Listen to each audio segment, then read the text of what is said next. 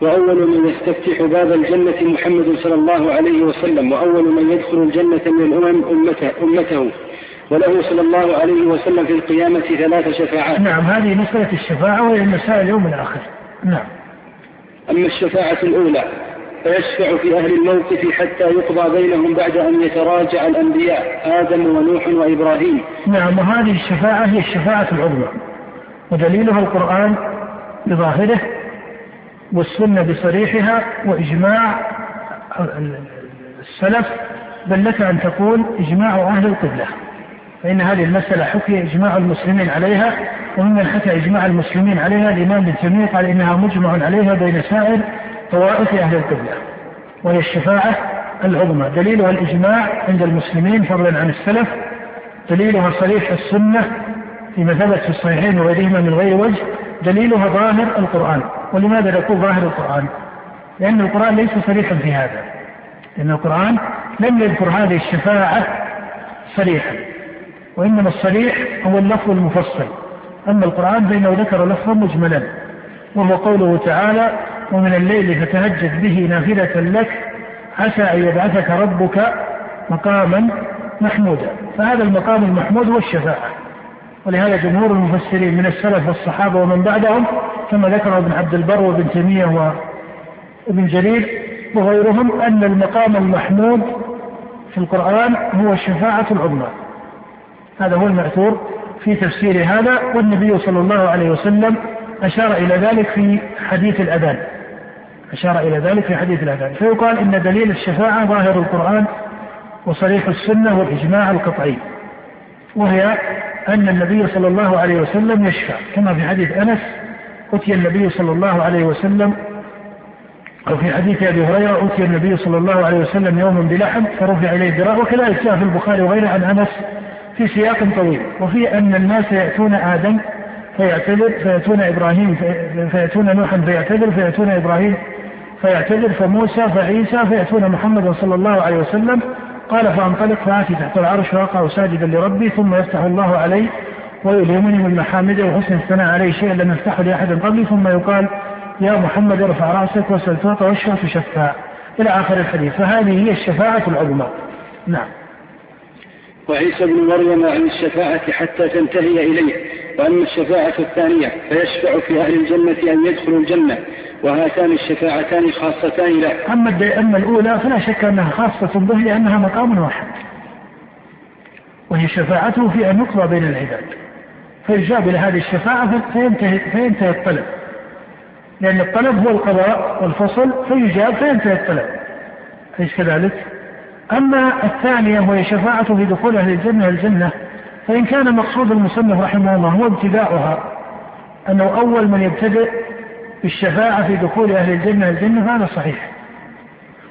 ودليله بين. وأما إن كان المقصود أنه المختص أو أن الشفاعة بدخول الجنة تختص به فلا يشفع بعد واحد في ذلك فهذا مما لم يأتي به نص صريح والله أعلم. نعم.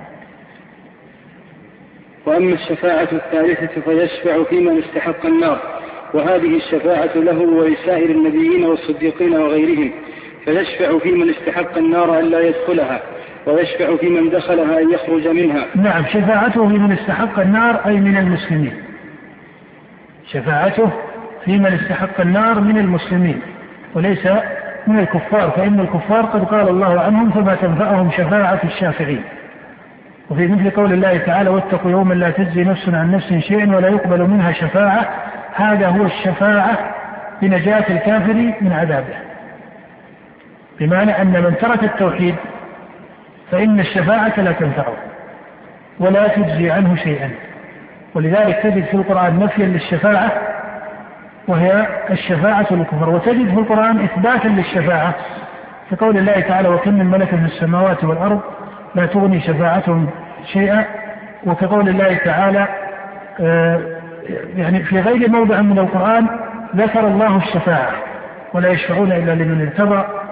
فهذا النوع من الشفاعة هو شفاعة المسلمين أو أئمة المسلمين وهم الرسل والصالحون من المؤمنين. شفاعتهم في أهل الكبائر من المسلمين.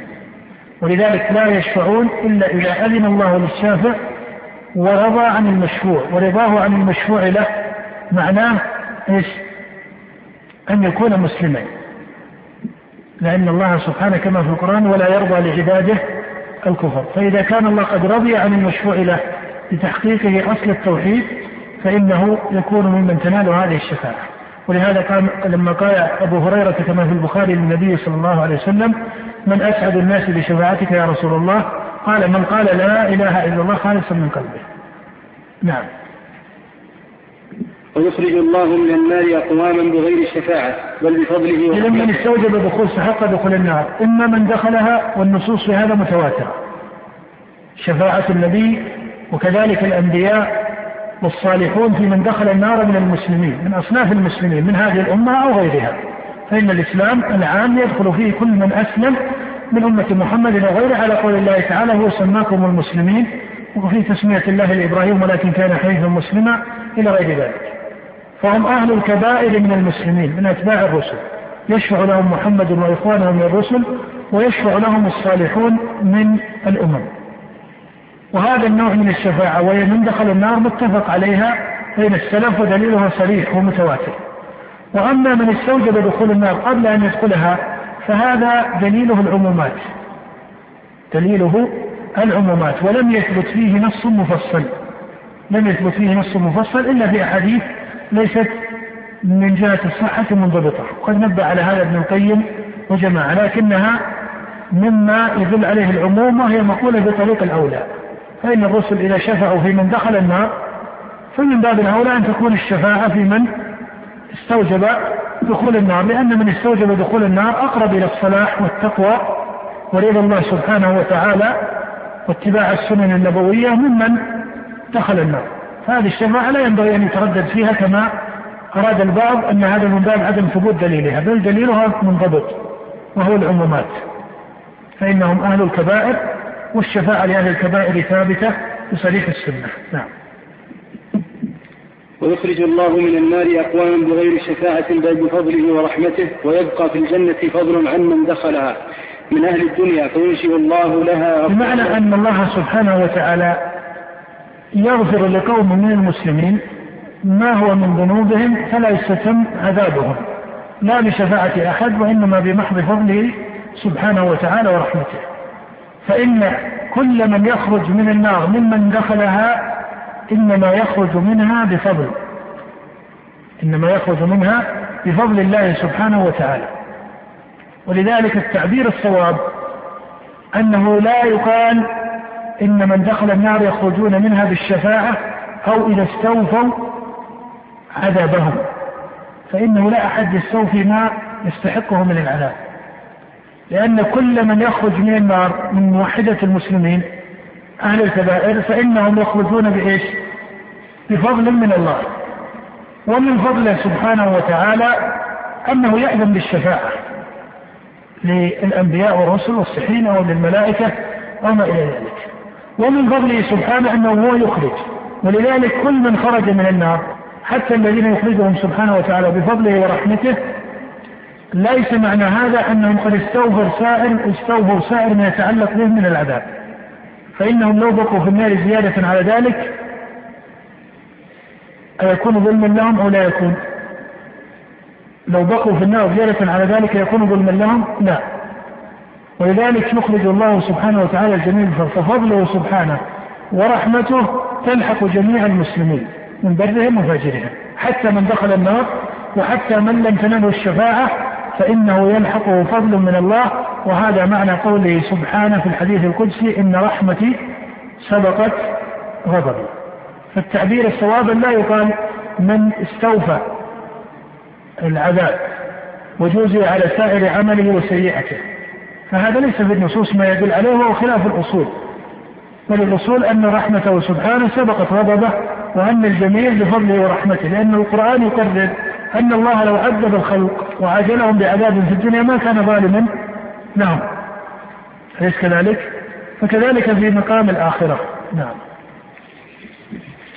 إن العذاب عدل. هذه القاعدة. العذاب عدل. والفضل والجزاء والثواب أو عفوا والثواب والجزاء بالخير فضل منه سبحانه وتعالى. فينشئ الله فينشئ الله لها أقواما فيدخلهم الجنة. نعم. المصنف رحمه الله هنا يبين بعد ذكره لمسألة الشفاعة أن الجنة يبقى بها فضل أي يبقى بها مكان لم تستوفي الأمم المسلمون فينشئ الله سبحانه وتعالى خلقا الله أعلم بماهيتهم فيدخل الجنة. هذا من كرم الله سبحانه وتعالى على هذا الخلق الذي ينشئه الله. وأما النار فإنه لا يخلد فيها ولا يبقى فيها إلا من كفر بالله سبحانه وتعالى.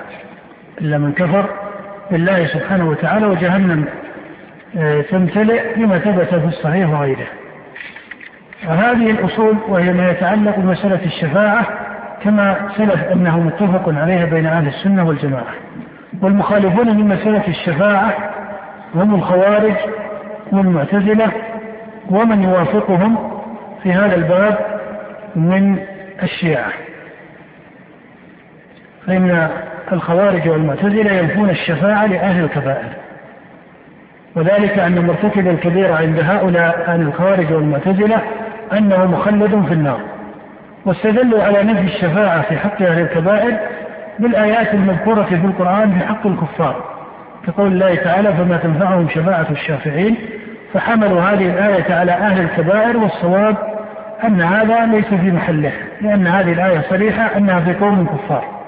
وأهل الكبائر هم من أهل الإسلام ومن ثبت إسلامهم ودينهم بصريح دين المسلمين. وإلا لا يجب من ذلك أن جماهير المسلمين ليسوا من المسلمين. فإن المستقيمين على أمر الله الذين لم يقترفوا كبيرة ولم يأتوها هم القلة القليلة من الناس. فالمقصود من هذا أن الخوارج والمعتزلة ومن يوافقها ينفون الشفاعة لأهل الكبائر ويرون أنهم مخلدون في النار وهذا من البدع المغلظة التي اختص بها هؤلاء عن طوائف المسلمين. نعم. وأصناف ما تضمنته الدار الآخرة من الحساب والثواب والعقاب والجنة والنار وتفاصيل ذلك مذكورة في الكتب المنزلة من السماء. نعم وإنما أشار المصنف لأخص الجمل في هذا. وأما التفصيل لباب اليوم الآخر وما يتعلق به وأصناف ما يتعلق بالثواب والعقاب فهذا مفصل في الكتاب والسنة والكتب المنزلة من السماء أي الكتب السماوية المنزلة على الرسل كالمنزل على عيسى وموسى وأمثال ذلك.